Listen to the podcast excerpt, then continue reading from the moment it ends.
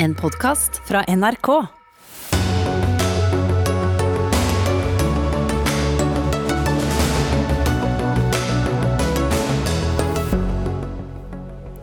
Viggo Kristiansen løslates ikke og må fortsatt sone for drapene i Baneheia. En stor rettelse, sier bistandsadvokaten, men dagens kjennelse ble vedtatt med dissens. Det vil tjene hele landet og i områder med høyt smittetrykk forrang i vaksinekøen, mener professor Steinar Holden. Det er det ikke sikkert helseministeren er helt enig i.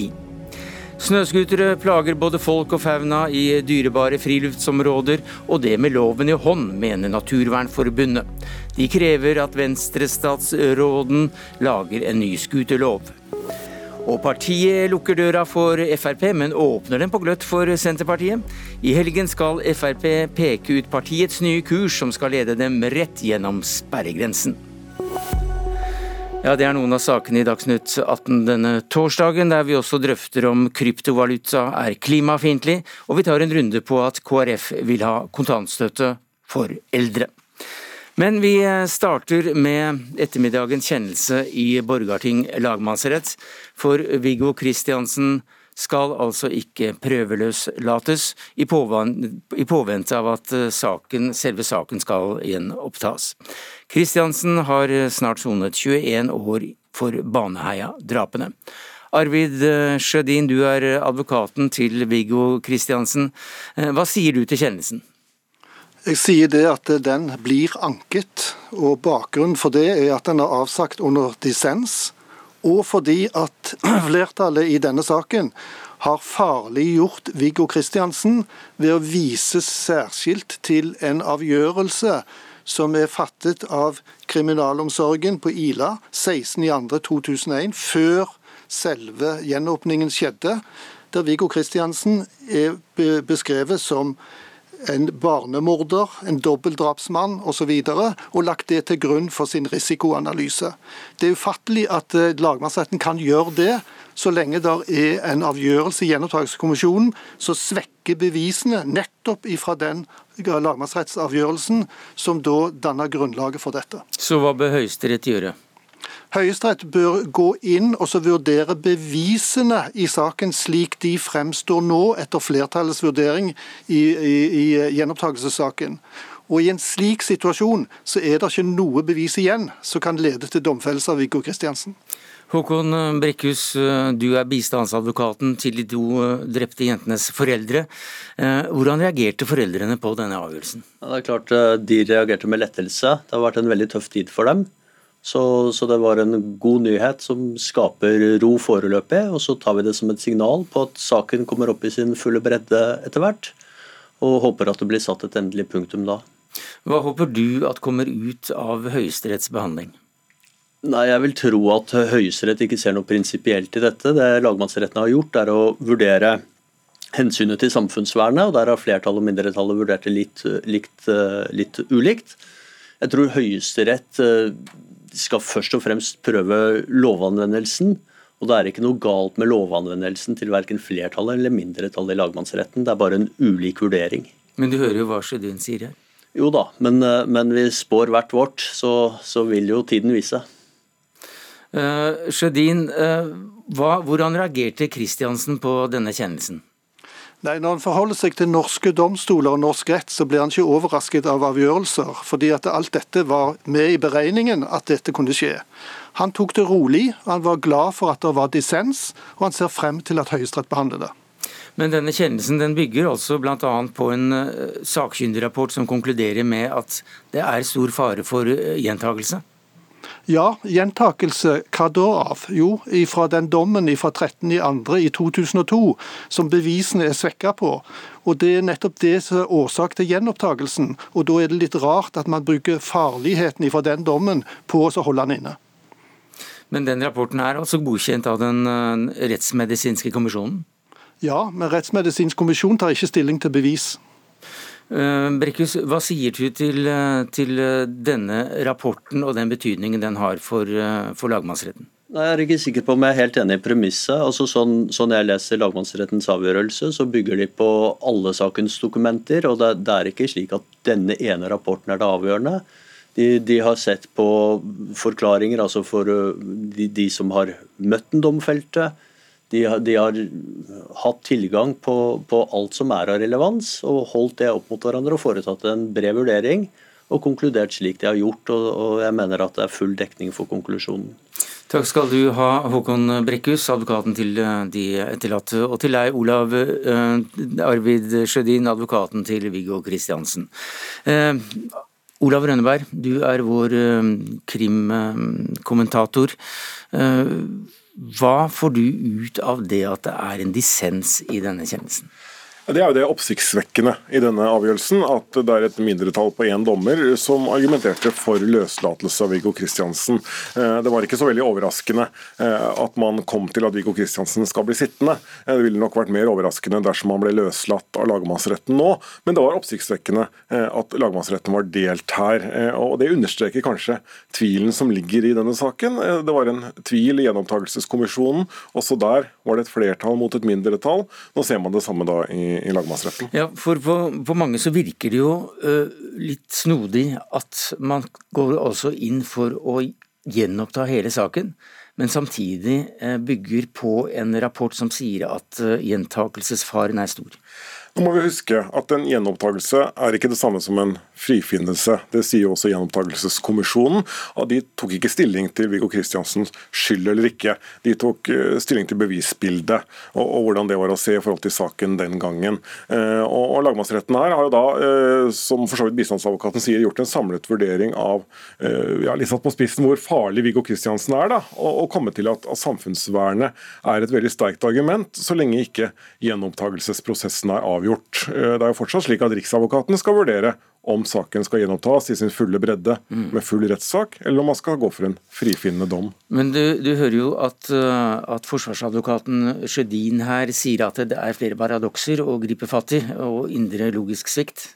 Ja, Det blir jo interessant å se da hva, hva Høyesterett uh, nå gjør her. Uh, denne saken skal jo behandles i Høyesteretts ankeutvalg.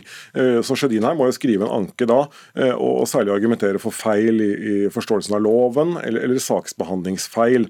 Det er ikke slik at Høyesterett vil løslate Viggo Kristiansen. Det de eventuelt vil gjøre, er å sende saken tilbake til lagmannsretten med, til en ny behandling, og eventuelt da sende et signal med på veien dit. Så Det er to mulige utfall. Enten at anken forkastes, eller at saken sendes tilbake og denne avgjørelsen oppheves. Men Kristiansen har da altså prøvd sju ganger å få saken gjenopptatt, og lykkes også da for et par måneder siden. Og den skal gjenopptas, eller i hvert fall behandles av Riksadvokaten og kanskje skje videre, eh, om ikke så veldig lenge.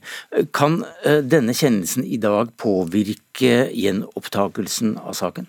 Jeg tror at eh, Riksadvokaten nok kommer til å basere sin vurdering på dokumentene i saken og på, på gjenopptakelseskommisjonens vurdering. Jeg tror ikke dagens avgjørelse kommer til å ha noe særlig å si for Riksadvokatens uh, vurdering. Uh, men det er klart det er en omfattende prosess påtalemyndigheten skal gjennom her. Nå etterforskes saken på nytt av politiet i Oslo. De gjør nye avhør, etter det vi forstår. Mm. Så skal den da til statsadvokaten, som skal sende en innstilling til Riksadvokaten. Og hva, Hvilke alternativer er det han har da? Han har da to, og det er jo riksadvokat Jørn Sigurd Maurud personlig vi da snakker om, som må avgjøre denne saken. Han har to alternativer. Enten å sende saken til en ny behandling i rettsapparatet.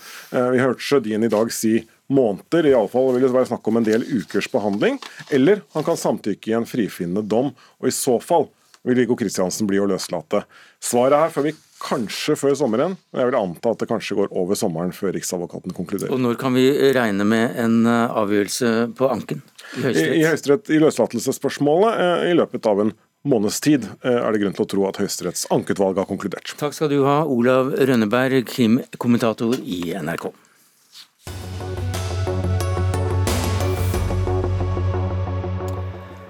Så til eh, spørsmålet om eh, hvilken rekkefølge vi bør koronavaksineres. Det spørsmålet reiser vi nå mens denne desken i Dagsnytt 18 gjøres ren med antibac, eller hva det er. For i din kronikk i DN, økonomiprofessor ved Universitetet i Oslo, Steinar Holden, så skriver du at det er best for alle å prioritere folk i områder med høy smitte. Hvordan kommer du fram til det? Jeg skriver at det er best for landet som uh, helhet. Det er jo klart at det er en fordel for den enkelte å få en vaksine. Men det som er poenget her, er jo at det er veldig stor forskjell i smittenivå i ulike deler av landet. Og, og, Da er det de som bor i områder med høyt smittenivå, de har en høy, mye høyere risiko for å bli smittet. Og Selv om de da kanskje kan være noe yngre enn folk som får vaksine i en del av landet hvor det er lite eh, smitte, så har de en mye høyere risiko for å få alvorlig sykdom eller død. og Dermed så tenker jeg at det er de som har høyest risiko for alvorlig sykdom og død, som eh, bør prioriteres i fordelingen av vaksiner. Ja, altså Høy risiko for sykdom og død, men hvor er den risikoen høyest? Ja, Det avhenger jo av alder, men det avhenger også av hvor man bor. og I områder med høyt smittenivå så er risikoen mye høyere. Jo, men Du sa også at det avhenger av alder. så Hvis du da bor i et grisgrendt strøk uten så veldig mye smitte, men blir smittet i høy alder, så er vel da sjansen for å dø som 60-åring ti ganger høyere enn en 40-åring? Ja, det er det. Men, men hvis, du har, hvis, du bor i et område med ti ganger så høyt smittenivå, så har du ti ganger så høy eh, sannsynlighet for å bli smittet. Så, så, poenget er jo at eh, i områder med veldig lav smittenivå, så er risikoen for å bli smittet mm. veldig lav. Og, Samtidig så er det områder med eh, veldig høy smitte i Norge nå, og, og hvor det er eh, mange 40- og 50-åringer som kommer på sykehus.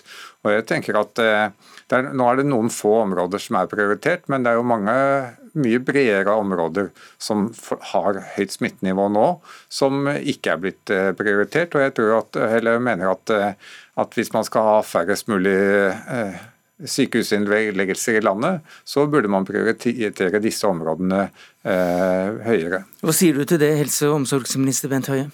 Nei, det er jo riktig det som Steinar Holden her sier. og Vi har jo bedt Steinar Holden og hans utvalg eh, se på disse tingene. så Det som jo eh, han og hans utvalg har kommet fram til, er jo en del av regjeringens beslutningsgrunnlag i dette spørsmålet. Og så eh, er det sånn at det er FHI som jo er vår hovedrådgiver i denne type spørsmål, og de vil jo gi regjeringen òg et råd om dette som, som er mer på en måte helhetlig, der de òg som har ansvar for vaksineprogrammet, kan se på Eh, hvis dette skal gjøres, på hvilken måte det skal gjøres, på hvilket tidspunkt, hva det har bety for distribusjonen av vaksinen osv. Vil du si at Holden eh, da ikke har tatt med alle ting i betraktning? Nei, men det er heller ikke Holden sin oppgave å ta med alle de tingene i betraktning. De skal gi oss en, en, på en måte mer en samfunnsøkonomisk analyse av dette, på hva er det mest eh, fornuftig å gjøre ut fra det. Og Så um, er det FHI som skal se på et litt bredere perspektiv på dette. Og Så er det til slutt regjeringen som må ta ansvaret for å ta beslutningen. Men Holden-utvalget sitt arbeid det inngår jo både som en del av regjeringens og jeg regner også med at FHI selvfølgelig også ser på det. og Mange av de modelleringene dere har gjort, er jo også tilsvarende de som FHI bruker. Men hvordan tror du folk eh, da utover i landet vil reagere hvis f.eks. Oslo skal få enda mer eh, vaksine? Hva, tror du folk i Nissedal og Kåfjord sier der det omtrent ikke fins? Nå er, ikke, nå er det jo eh, ikke, kanskje ikke først og fremst Oslo som skal få mer, men det er områder eh, utenfor Oslo som eh, ikke har fått blitt prioritert, som i hvert fall må få mer. Som eksempel? Ja, Det er de områdene som har høyt smittenivå, Drammen f.eks., men også noen områder i Viken nord for Oslo som har, det har vært veldig høyt smittenivå. Så jeg tror at, eh, at det vil, vil, bli godt akseptert eh, i hele landet hvis det blir forklart på en god måte. Hvis, hvis det kommer klart fram eh, at Folkehelseinstituttet sier at det er dette, dette er den fordelingen av vaksiner som gir færrest alvorlig syke i landet som helhet, så, så tror jeg nok at, at det vil bli forstått i stor grad rundt omkring i landet. Du skriver også at eh, det er all mulig grunn til å se på uh, tiden mellom første og annen dose.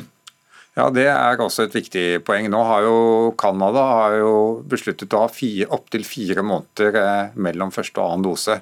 Og det er jo slik at Første dose av disse mRNA-vaksinene gir veldig god effekt. 80 eh, effekt er det noen som eh, sier.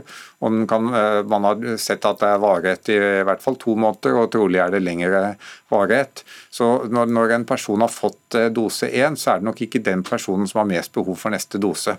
Så hvis man da har lengre avstand mellom dose 1 og dose 2, så vil langt flere kunne få rask beskyttelse ved dose 1. Så det vil være et colombi egg i denne sammenheng. Man har startet på det, men, men man burde gå mye lenger i den retning, og, og raskt. Bent Høie, du sa det at eh, dere venter på en anbefaling bl.a. fra FHI når det gjelder akkurat eh, om, om smittepressområder bør prioriteres høyere.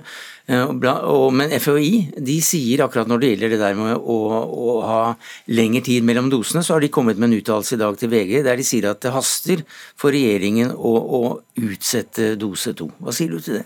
Ja, så snart vi får en anbefaling fra FI på det så... Du har fått det gjennom VG og Dagsnytt 18? så, så, så snart vi har fått den, eh, så vil regjeringen veldig raskt nå ta den beslutningen. For vi har jo uttalt at vi er jo helt enig i det. sånn at eh, så på det tidspunktet FHI mener at det er riktig å gjøre det, så vil vi gjøre det. De har ment det nå at det var viktig at de som til nå har fått første dose, som er i den høyeste aldersgruppen og med høyest risiko, òg bør få dose to. Og så har de òg ment at eh, det er viktig at, på en måte at en ikke skaper for mye merarbeid for kommunene på de som allerede er innkalt til dose to.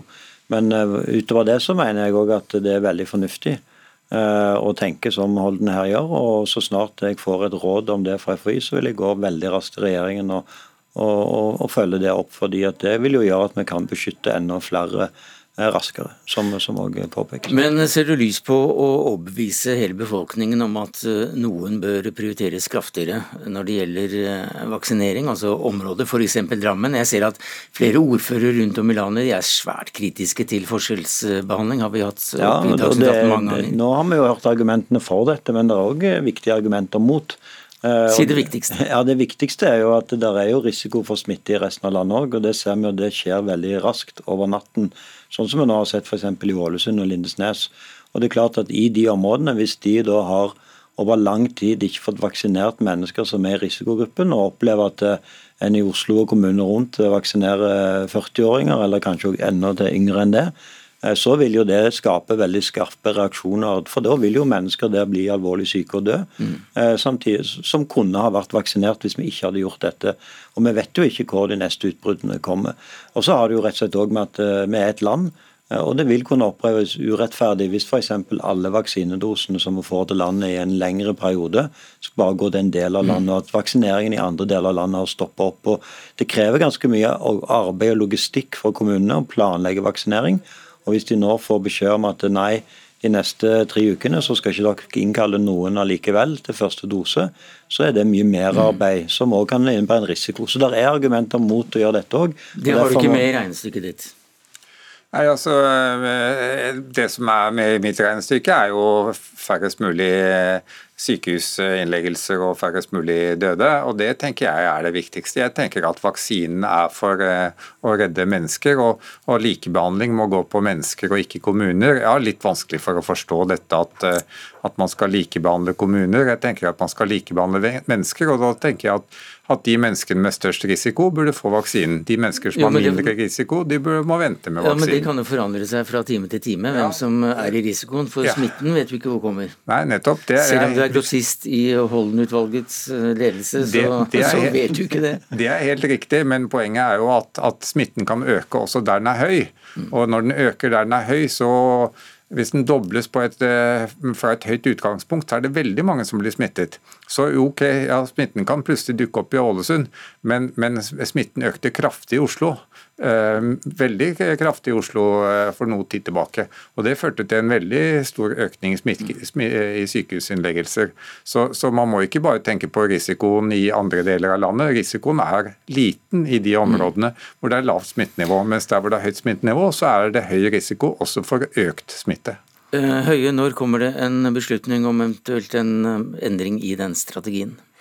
Ja, Det er jo eh, så snart man har fått en helhetlig vurdering fra, fra FHI. og så er vi også nå i en... Når er det den kommer, da? Ja, Den, den kommer om ikke så altfor lenge. og så er vi nå også i en situasjon der i uke 20 og 21 så vil i all hovedsak de vaksinedosene som kommer til landet, brukes til dose to. Så det mm. ville ikke vært veldig mange vaksinedoser omfordelt i den perioden allikevel. Takk skal du ha, Bent Høie, helse- og omsorgsminister, og til deg, Steinar Holden, økonomiprofessor ved Universitetet i Oslo.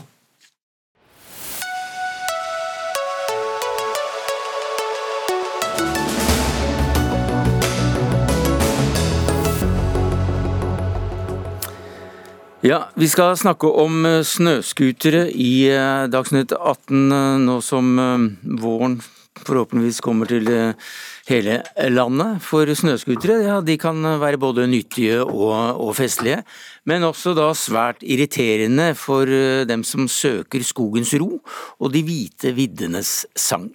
I 2015 fikk kommunene lov til å lage egne løyper for såkalt fornøyelseskjøring, men ikke i verneområder og bare ved å ta hensyn til friluftsliv. Men eh, dere mener at det ikke akkurat er hensyn som, eh, som preger denne praksisen. Christian Børslund, du er rådgiver i Naturvernforbundet. Hva er galt? Børslin, om jeg må be. Ehm, det som er galt, er at eh, hensynene som det står skal tas i motorferdselloven, de tas ikke i praksis dem det skulle tas hensyn til, men til snøscooterinteressene, eller snøscooterløypeinteressene, for å være helt presis. Det vi ser, er jo at det vi frykta, at denne loven ville åpne for, kunne fortrenge friluftslivet.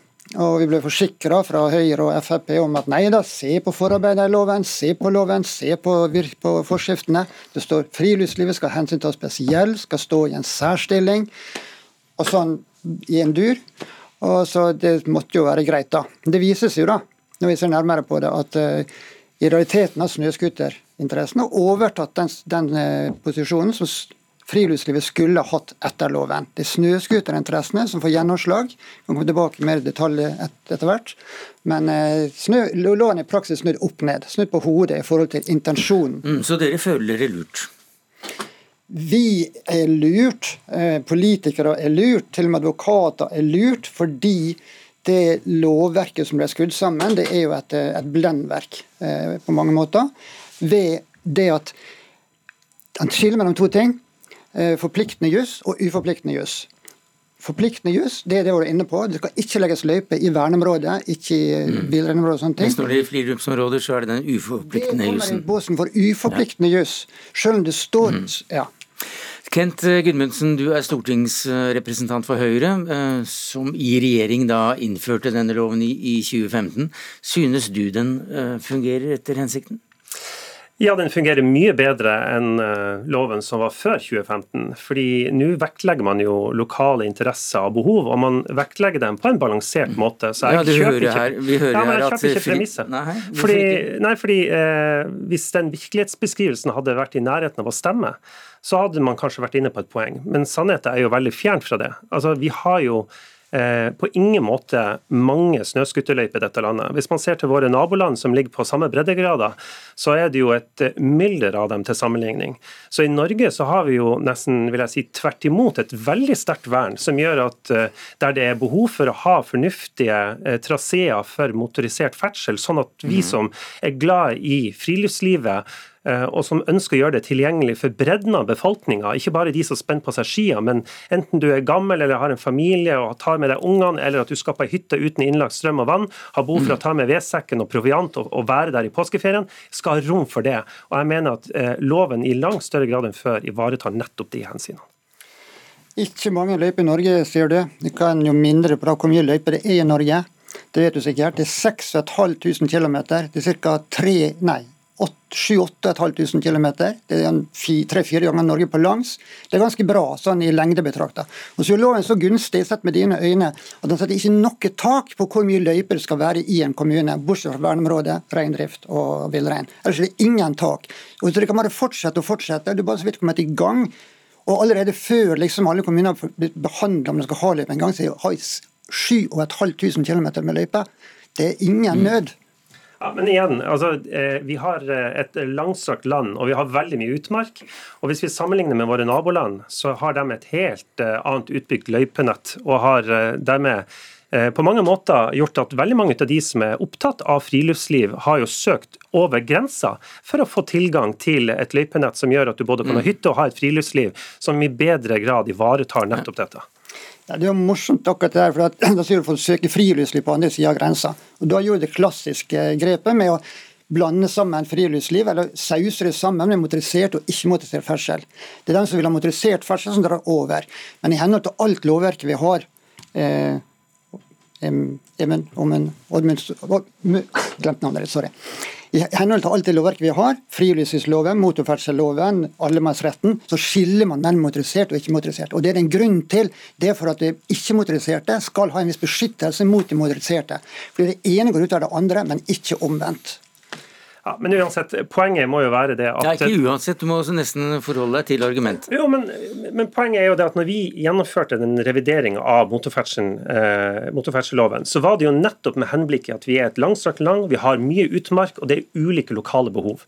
Og Når man i en kommune kan nettopp avveie disse interessene på en best mulig måte, fordi at de som er nærmest problemet, kjenner også hvor skoen trykker og kan ivareta dette. Men det er ikke best mulig måte ifølge Naturvernforbundet. Eh, naturinteressene, altså, jeg... de verneinteressene overkjøres av Jeg hører at han hevder det, men jeg, sier, jeg kjøper ikke virkelighetsbeskrivelsen. Og når han f.eks. i det innlegget som var i Klassekampen drar fram Rana kommune, så er det jo at man hopper glatt over at det er jo en kommune med enormt store utmarksarealer, og som har et stort innslag av reindriftsnæring, mm. Eh, og der denne kommunen på mange måter har greid nettopp balansen mellom de ulike hensynene. Sånn at eh, jeg, jeg syns man er veldig veldig snever i sin tilnærming til dette. og For meg så virker det jo som at mm. det man egentlig er mot, er at man i det hele tatt har motorisert ut, eh, ferdsel i utmark. Håper ikke det var noe som helst. Det gjorde heller ikke statsforvalteren som gjorde vedtaket om den kommunen, den kommunen og den kontroversielle løypa. Poenget er at den løypa var ekstremt kontroversiell, nettopp i forhold til friluftsinteresse. Og så gjør statsforvalteren det veldig interessante grepet. Han slår fast det er grunn til å stille spørsmålstegn ved om lovens intensjoner om å beskytte i viktig friluftsliv er ivaretatt sånn som loven praktiseres. Og det, og det, kan vi snakke med en annen kar om som du sikkert er interessert i å høre hva mener, nemlig klima- og miljøvernminister miljøminister Sveinung Rotevatn. For dere i Venstre, dere stemte jo mot denne loven i 2015, og nå sitter du og administrerer den. Eh, hva synes du i dag? Jeg syns det samme som jeg syns den gangen da jeg var stortingsrepresentant. og det at uh, Måten Høyre, og Frp og, og Senterpartiet, som har dannet flertall i mange av disse natursakene, vekter naturinteressene på, uh, syns jeg ikke er bra nok. Men altså, jeg må forholde meg til det stortingsflertallet mener. Og stortingsflertallet vil ha en åpning for en viss bruk av snøscooter. Så det som er viktig for meg da, er jo at det regelverket vi har blir praktisert riktig og strengt. Og det er slik at det skal være strenge krav for å opprette denne typen løyper. Nettopp for å ivareta friluftsliv og naturinteressene. Og en ting er denne diskusjonen som nå er i studio mellom hvorvidt eh, litt på spissen, folk bør gå på ski eller kjøre scooter. Men jeg mener at jeg er enda bare opptatt av naturen her. og Vi har ganske mye sårbare dyrearter, og som ikke minst er sårbare på vinteren og utover våren på høgfjellet. Eh, og Da er det viktig av hensyn til dem at det ikke blir for mye forstyrrelser. Altså Én snøscooter farlig til er ikke det som velter lasset her, men mye trafikk kan være veldig forstyrrende for dyrelivet, og det må vi unngå. Men eh, du sitter nå i en posisjon der du ikke bare kan eh, oppfordre kommunene til å bli strengere, men du kan jo f.eks. lage en ny lov? Ja, altså Vi passer jo på hele tida at regelverket blir praktisert uh, ordentlig og strengt av hensyn til natur av hensyn til friluftsliv. Men ifølge uh, friluftsmannen her, så, så er det ikke veldig strengt i kommunene? Ja, Vi har nettopp gjennomført en evaluering av det. Eh, og det den evalueringa konkluderer med, er rett og slett at det er vanskelig å konkludere hvorvidt kommunene følger reglene eller ikke. Så det Vi har gjort nå er at vi har bedt Miljødirektoratet ta en runde på det. Så får vi se. fordi Det som i hvert fall er åpenbart hensikten her, det er at når kommunene nå har fått lov av Stortinget til å etablere noen sånne forlystelsesløyper for snøscooter, så skal de ta hensyn til natur, eh, verneområde og friluftsliv. Og Gjør de ikke det, så praktiserer de regelverket feil. Så Det driver jo nå med en gjennomgang på, nettopp for å unngå unngå at denne snøscooteraktiviteten går utover viktige friluftslivsinteresser, og ikke minst sårbar natur i høgfjellet. Eh, spørsmål til deg det da, Rotevatn. Eh, denne evalueringa viser jo, hvis du går inn på oversikten over hva kommunene faktisk har gjort med hensyn til å legge fri snøscooterløyper utafor friluftsområdet, eller i viktige og svært viktige friluftsområder. Hvis du teller sammen det de har svart på side derfra til da, Eh, i rapporten, så ser du at 19 av 34 kommuner har lagt løype midt i, eller altså i, viktige og svært viktige friluftslivsområder. I tillegg kommer det seks som ikke har svart tydelig. Vi har spurt hver enkelt av dem. Da kan du legge til seks, oppe 4-25 mm. Av 34. Men vi, vi har ikke med oss kalkulatoren her, men hva er din utfordring til ministeren helt kort til slutt? Han var inne på at vi må sørge for at loven praktiseres strengt. Loven praktiseres i dag, og den praktiseres slik at friluftslivet er notorisk taper når det blir satt opp mot hverandre. Eh, snøscooterløypene er dem som havner i en særstilling og får gjennomslag over Så en brei Så utfordringen din til ministeren er konkret? Det er å se på det lovverket sånn at intensjonene i lovverket blir samsvarer bedre med det som er meningen, måten han skal fungere på mm. i praksis. Det var nærmest et ja-nei-spørsmål, Rotevatn, helt kort til slutt.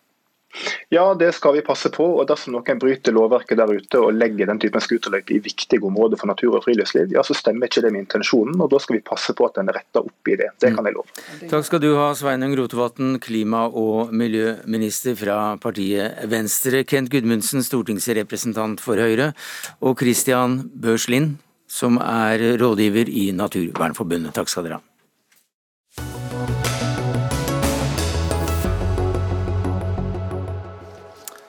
Ja, KrFs, KrF vil ha eh, kontantstøtte for eh, eldre.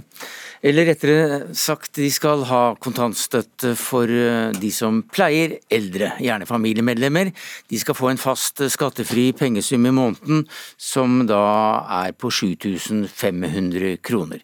KrFs landsmøte starter jo i dag, og i morgen så voterer man over, over dette forslaget. Og Ingelund Noresjø, du er A-nestleder i Kristelig Folkeparti. 7500 kroner måneden eh, er, har de landet på. Eh, det er 250 kroner eh, dagen. Det som er tilfellet i dag, det er jo at veldig mange barn, eh, barnebarn, tar hånd om sine eldre. De kanskje tar fri fra jobb, eh, eller de jobber dobbelt, for å si det sånn, med både å være i arbeid og på ettermiddagstid og i helgen ta hånd om sine egne eldre. Det er en innsats som de gjør for sin familie, men de gjør det også for fellesskapet. Og det er en innsats som verdsettes altfor lite i dag. Dette er en påskjønnelse og et heiarop for de som stiller opp for sin familie i form av et eh, skattefritt bidrag, som også kan bidra til å holde hjulene i gang, eh, og også få eldre til å eh, bo hjemme lengre. Mm. Men tenker du deg da at, at de som pleier gamle hjemme, at de skal jobbe litt mindre i sin vanlige jobb, og så heller få disse pengene? Eller hvordan har dere tenkt dere dette? Det må de finne ut av sjøl. Men dere har vel tenkt rundt det? De kan kombinere dette, ja. men mange tar jo, syns jo det blir for mye i dag å både ha full jobb og så ta hånd om sine eldre, og kanskje tar ulønna permisjon i deler av eh, livet sitt for å ta hånd om en gammel far eller mor. Hvor mye, hvor mye må du jobbe da med, med gamle mor for å få de 7500 kronene? Er det noen timetall? Det skal skal rammes inn på en sånn måte at de for det første må bo i nærheten av hverandre, sånn at det blir et eh, reelt omsorgstjeneste som man yter, for at de skal slippe å være ensomme. Man skal handle for dem, det er mange som gjør. Spise måltid sammen med dem. Eh, det er et eh, tilskudd mm. til den kommunale helsetjenesten som de allerede har. Og de som skal motta denne støtten må også være eldre over 75 år, og de må også være en del av av få den offentlige helsetjenesten, altså hjemmehjelp ja, for, eller andre tjenester. For nå hører jeg at, at, dette er ganske mange timer. altså Dette høres ut som en 24-7-oppgave. og i tilfelle så vil timelønnen bli på én time, nei, én krone og ti øre. Ja, vi regner ikke timelønn på dette, Nei. fordi dette er en omsorg som eh, pårørende allerede gir i dag, og som de får mm. altfor lite eh, kreditt for. Ok, Anita Vatland, du er daglig leder i Pårørendealliansen, og dere syns ikke at dette er en strålende idé. Hvorfor ikke? Nei, vi heiser ikke flagget for dette. Altså KrF skal ha honnør for å tenke på pårørende og ha kreativitet, men intensjonen i den løsningen som de kommer her, den er ikke det de burde kommet med. De hadde en gyllen mulighet til å komme med det som var eh, mange ting som kunne ha gjort noe i pårørendestrategien. Jo, men La oss ta akkurat denne her. Altså, hva, er, hva er galt med akkurat å få 7500 kroner ekstra? De sier de vil løse tidsklemmer for eldre. Det, nei, for pårørende til eldre. Det som pårørende trenger, det er ordninger som er kobla til arbeidslivet, ikke en privatrettslig ordning som settes utenom arbeidslivet for at man skal faktisk få betalt for å gå ned i stilling, for å bli en, en lavtlønna pleier for sine egne. De der ordningene kobler vi til arbeidslivets ordninger. Vi har rett på ti dager permisjon i dag, men det er bare I det offentlige? Det, I det offentlige, i staten. Hun har mm. rett på ti dager omsorgsdager for å pleie. Det har ikke vi andre. Det må ta, ta, tas tak i, fremfor å si at vi skal stimulere folk til å gå i deltid, og heller eh, ikke stå i, det, i heltid, men kunne sjonglere med sånn som det passer. Men pårørendedager vil jo ikke løse utfordringa med den kontinuerlige omsorgen som pårørende gjør i dag. Fordi tar du en dag fri for å følge eh, din gamle far til fastlegen eller til tannlegen eller en annen time på sykehuset, så, eh, så får du den dagen fri. Men eh, mange eldre har, er kanskje engstelige, eh, har vært eh, redd for å være alene.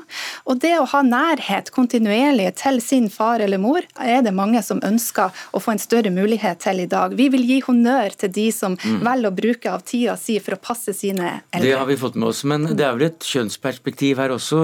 Det er vel kvinner som ofte vil gjøre dette valget?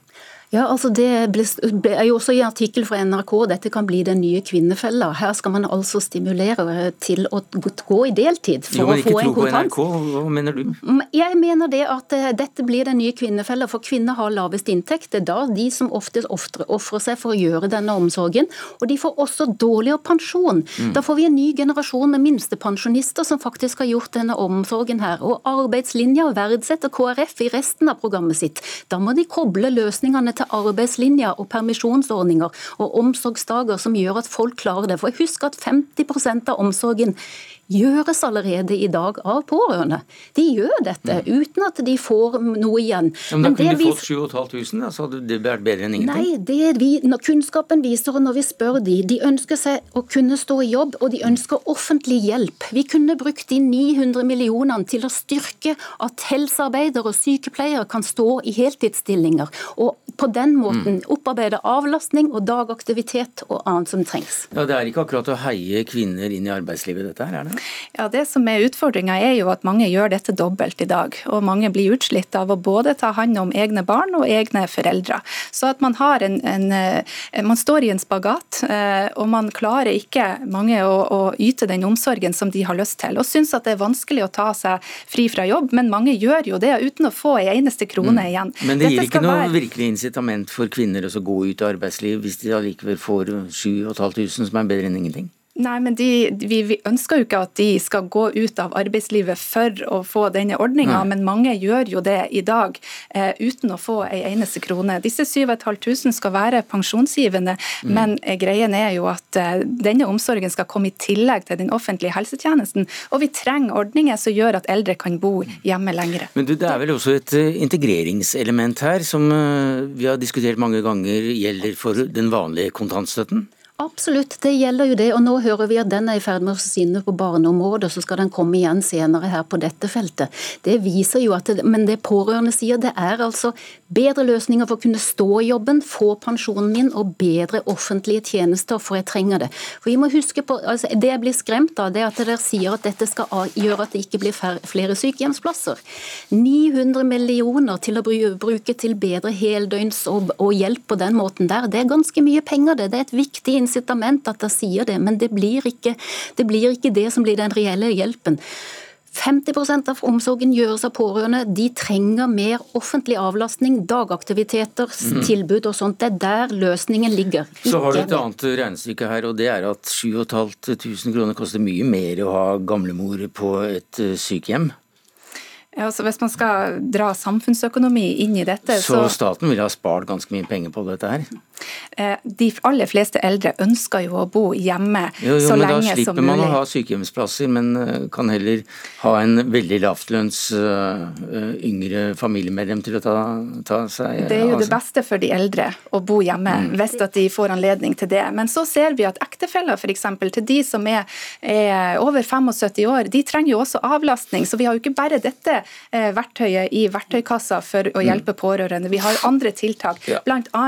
at man skal få eh, avlastning på grønn resept, ved å da kunne få lovfesta rett til avlastning for pårørende som bor sammen med sin ektefelle, og som da mm. trenger Får du flertall for eh, dette i morgen på, på landsmøtet? Det tror jeg at dette vil gå gjennom med et stort flertall, ja. Takk skal du ha, Ingelin Nordsjø, annen nestleder i Kristelig Folkeparti, og til deg, Anita Vatland, daglig leder i Pårørealliansen. Men vi gir oss ikke helt med KrF, um, selv om akkurat denne saken er ferdig debattert her i Dagsnytt 18 denne torsdagen.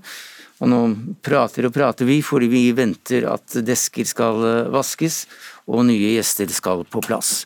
For KrF har altså da knapt vært over sperregrensen siden Ropstad overtok som partileder og fikk Norges kristendemokratiske sentrumsparti, som det også kaller seg, inn i regjering. 2,4% oppslutning på siste måling. Det ville gitt ett mandat på Stortinget om det var valg, Anne Ekornholmen. Du er politisk redaktør i Nasjonen. Hvorfor går det ikke bedre på meningsmålingene? Ja, Det tror jeg det er sammensatte årsaker til. Hva er det viktigste? Nei, Det viktigste er nok at eh, KrF har litt problemer med å slå gjennom lydmuren, tror jeg, rett og slett. Eh, I det siste så har det vært eh, mye pandemiprat, selvfølgelig. Og det har vært Nå har riktignok Olav Bollestad som landbruksminister og, og Hareide som samferdselsminister hatt mye oppmerksomhet i det siste. Og sånn sett kommer fram. Men det er jo regjeringas politikk, og ikke nødvendigvis KrFs politikk. Og dermed så kommer KrF sine hjerter hjertesaker rett og slett litt i, i bakevja. Eh, Bernt Årdal, du er eh, professor emeritus ved Institutt for statsvitenskap ved Universitetet i Oslo. Og uh, Du sa til Nettavisen i februar at det nok ikke er så enkelt som bare å klage over ikke å være synlig. Nei, fordi at før de gikk inn i regjering, så gikk de også veldig dårlig på målingene. Uh, og som ikke det var nok, så hadde de jo sitt aller dårligste valgresultat noensinne i 2017, altså etter at de ble et landsomfattende parti. Eh, så det var jo store forhåpninger til at regjeringsdeltakelse skulle gi større synlighet, som, som, Anne var inne på. Og det gikk jo ikke likevel. Men det er klart, eh, på den veien til inn i regjering, så gikk jo de gjennom en ganske smertefull indre prosess med splittelse. Og eh, Apropos det vi var inne på med, med, meningsmålingene. Den aller største gruppen som de har mistet, de har jo satt seg på gjerdet. Altså Det er velgere som ikke lenger helt vet hvor de skal.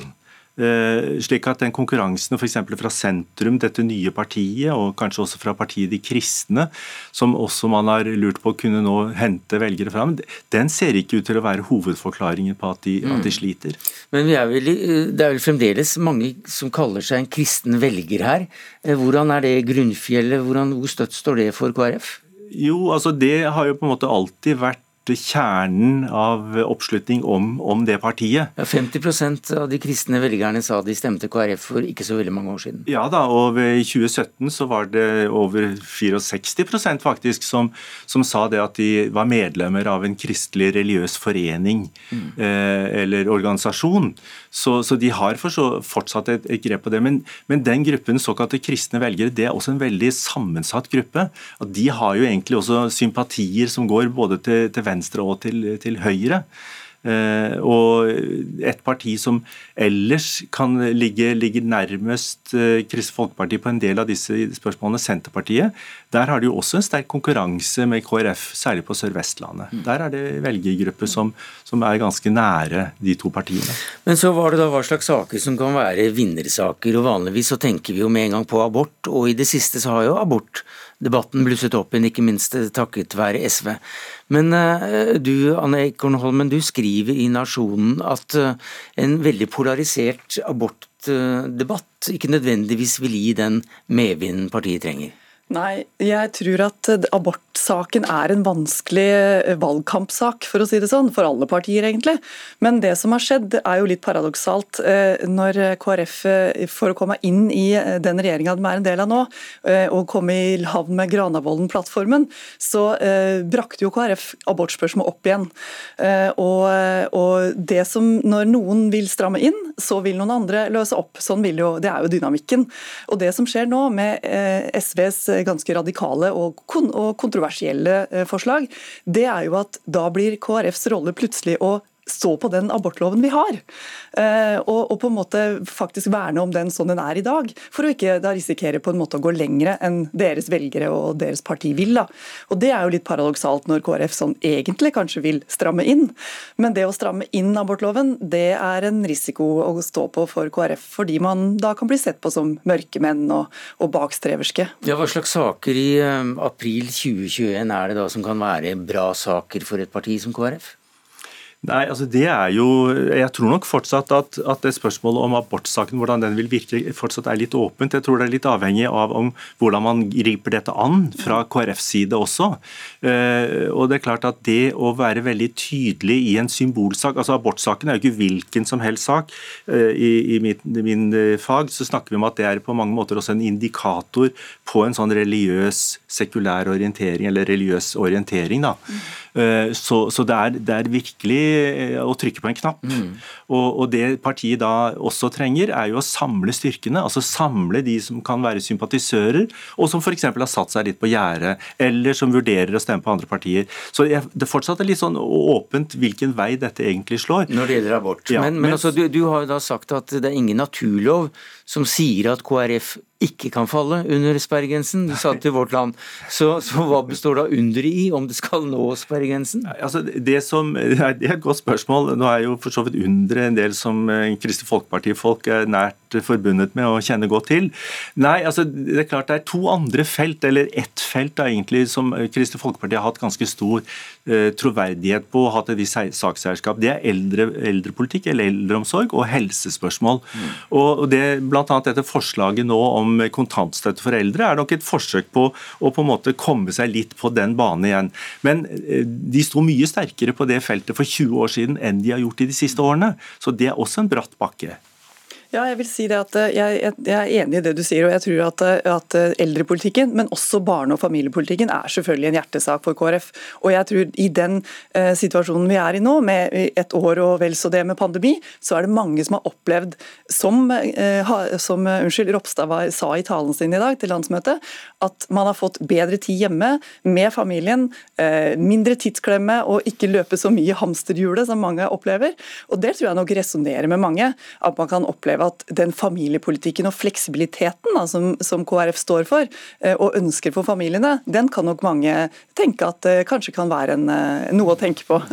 Eh, et kontrafaktisk tankesprang her. Ville de hatt større oppslutning hvis de hadde valgt venstresiden i 2018? Nei, det tror jeg, som alle sånne kontrafaktiske spørsmål, så, så, får man aldri svaret på det. Men, men, hvis vi går tilbake litt i tid, til 97-valget, som liksom var deres aller beste valg, de fikk 13,7% oppslutning, så var jo noe av hovedveksten der, utover denne litt mer snevre gruppen, var jo nettopp eh, i en sånn sentrum-venstre-retning. De så de, når de da gikk tilbake, så tapte de mye, mange flere velgere til, til rød-grønne partier enn de gjorde til den andre siden. Så det er jo noe av det som også var en del av den indre strid at noen mente at eh, de kanskje ville kunne ha hatt, eh, hatt mer å, å, å, gå på. Men igjen, her, det, er, det, er, veldig mange dimensjoner som kommer inn her. og det er klart at I, i nettopp kjernespørsmål, sånn som abortsaken nå, så vil det jo da være full konfrontasjon med, med ikke bare SV, men antagelig også Arbeiderpartiet i den åpningen som de nå hadde på sitt landsmøte. Jo, men altså, Det var vel da Harald Stanghelle som sa det at KrF er eh, de tapte sakers parti, det sa han helt tilbake til 2006, tror jeg. Eh, har de vunnet så mange eh, saker siden den gang? Ja, nå har Det jo, eh, altså, de, det er litt av det som er KrFs problem, tror jeg. Å rett og slett vise de sakene de har vunnet. Eh, og, og, Det er jo en, den regjeringsslitasjen som det nå antagelig har blitt utsatt for, som jo ikke er helt ukjent for de små partiene, den gjør jo at det er vanskelig, som jeg begynte med, å, å komme gjennom den lydmuren. Så jeg tror at, at KrF vil vil eh, måtte hente de, de kjernevelgerne sine som vi sa sitter på gjerdet. Det er nok de man må satse på. De som er verdikonservative og familieorienterte og, og opptatt av mm. bistand og eh, men. Men eh, dere sier også at de sitter på gjerdet. Er det bedre for partiet at, at velgerne sitter på gjerdet enn at de har gått til andre partier? Ja, det er helt åpenbart at eh, det å få velgere ned fra gjerdet, det, det, er mye lettere. Ja, det er mye lettere. Og, og, det er klart at eh, selv om, som du var inne på, de har ligget under sperregrensen ganske lenge, eh, og, og i den grad at de ligger over, så ligger de vel egentlig innen feilmargin der også. Mm. Uh, og det, I det så ligger det jo at det kan være en mobilisering. og det, det, Så de, det de trenger, er ikke liksom bare litt sånn velvillig, men de trenger noen sånn skarpe profileringssaker. Og, og det har de egentlig ikke klart uh, ordentlig siden 97 med kontantstøtten. Mm. Og selv kontantstøtten er jo nå eh, blitt et, et, konflikttema i forholdet til, til, andre partier som de gjerne skal samarbeide med. Ropstad sitter også og finpusser uh, landsmøtetalen sin. Uh, hva uh, slags leder er det, helt kort til slutt? Unnskyld, hva? Er, er han populær? Ja, innad? Ja, jeg tror han blir sett på som en hardtarbeidende leder eh, mm. innad. Eh, og, og, han ble jo kasta ut i det, kan du si, på mange måter, etter at Hareide tok sitt valg. Han kastet seg vel litt selv fram? Eh, ja, det kan du godt si. Ja. Eh, men jeg tror han eh, jeg tror ikke han, altså, som, som, Fordi partiet var delt, så det, var det helt sikkert også delte mm. meninger om Ropstad. Men eh, jeg tror han oppfattes som en som jobber hardt for partiet sitt. Takk skal du ha, Anne Ekornholmen, politisk redaktør i Nasjonen. Til deg, Bernt Årdal, professor emeritus ved Institutt for statsvitenskap ved Universitetet i Oslo.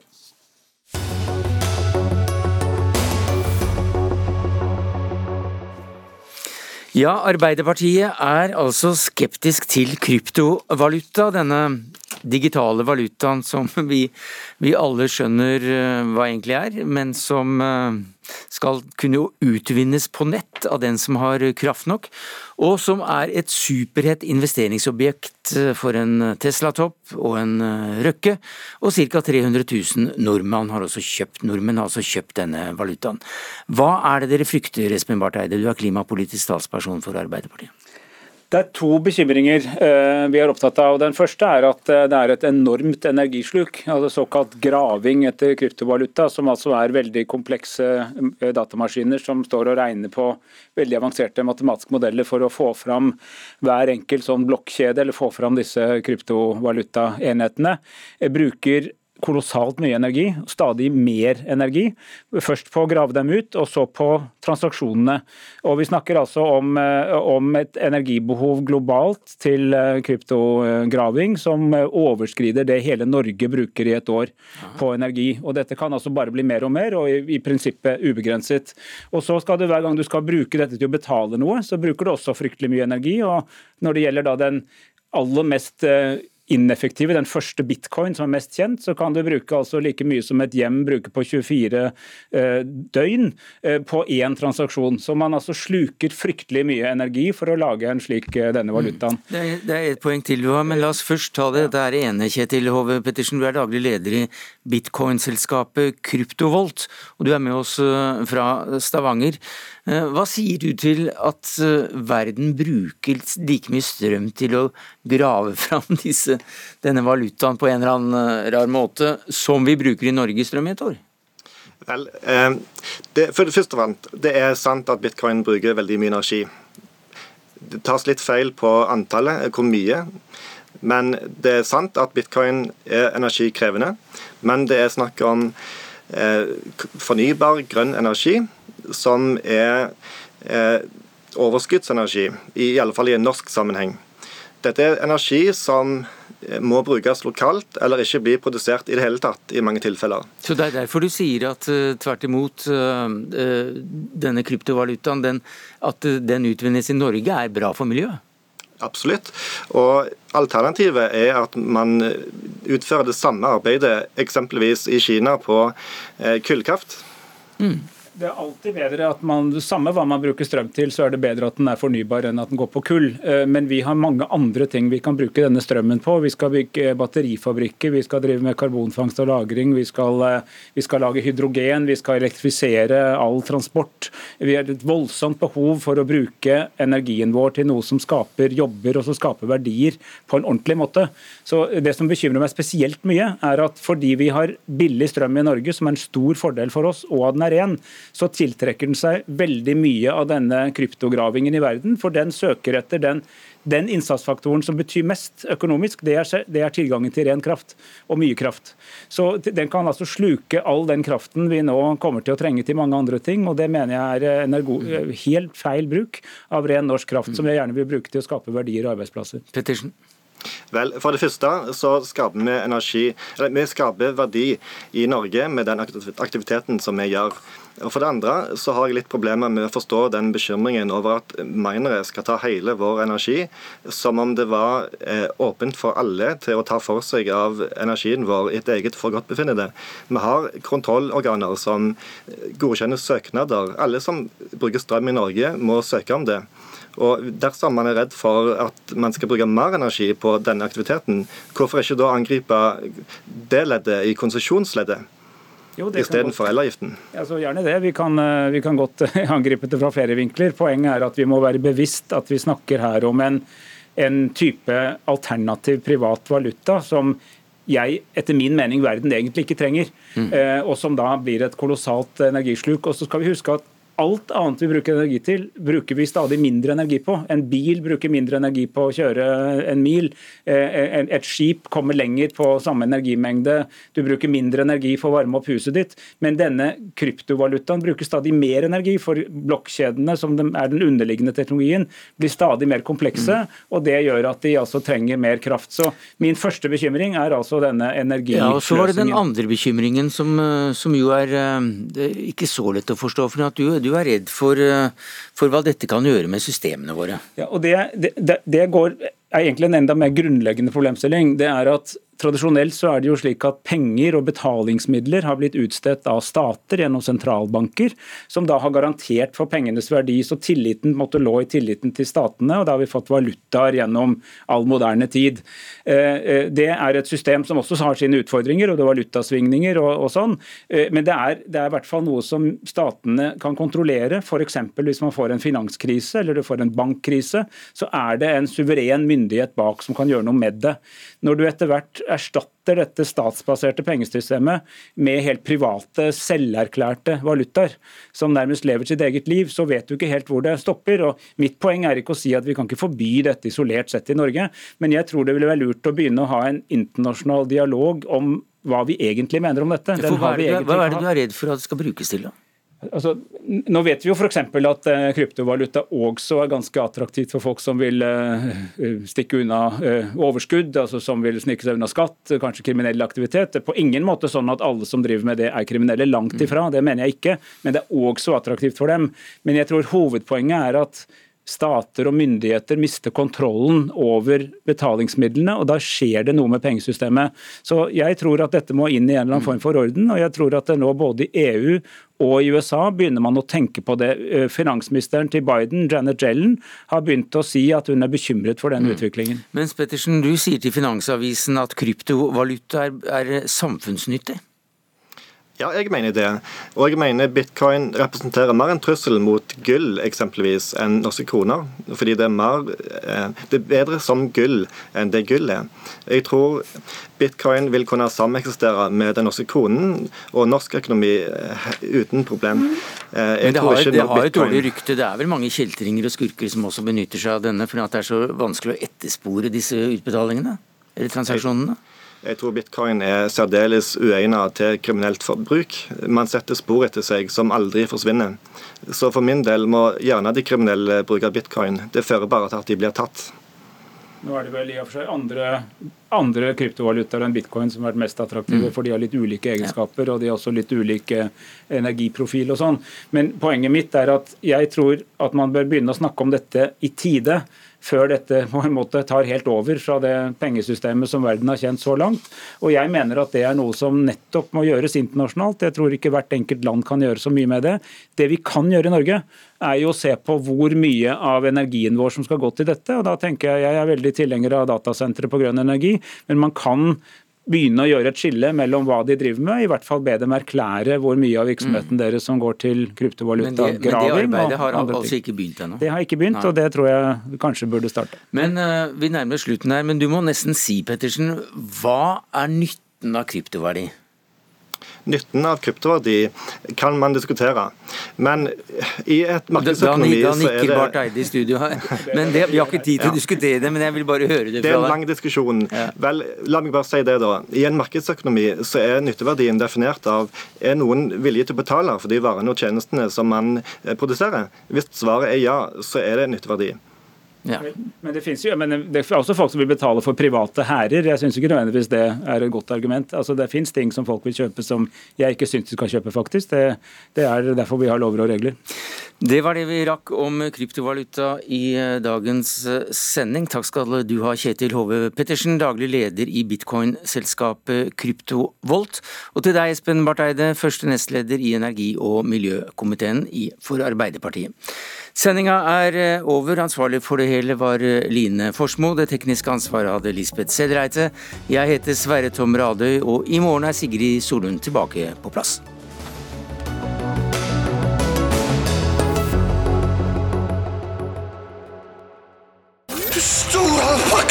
Før så samla vi oss for å høre på radio. Nå lytter vi på hva vi vil, når vi vil, og mest for oss sjøl. Vi lytter for å fylle ventetid, bli underholdt, oppdatert og litt klokere. Vi lytter for å la oss bevege av sterke historier. Eller bare av musikk. Så selv om mye har forandra seg, er det viktigste som før. Podkast og radio samler oss. For selv om vi nå lytter mest for oss sjøl, er vi aldri aleine når vi hører på. NRK Radio vi hører sammen. Hør podkaster og din NRK-kanal i appen NRK Radio.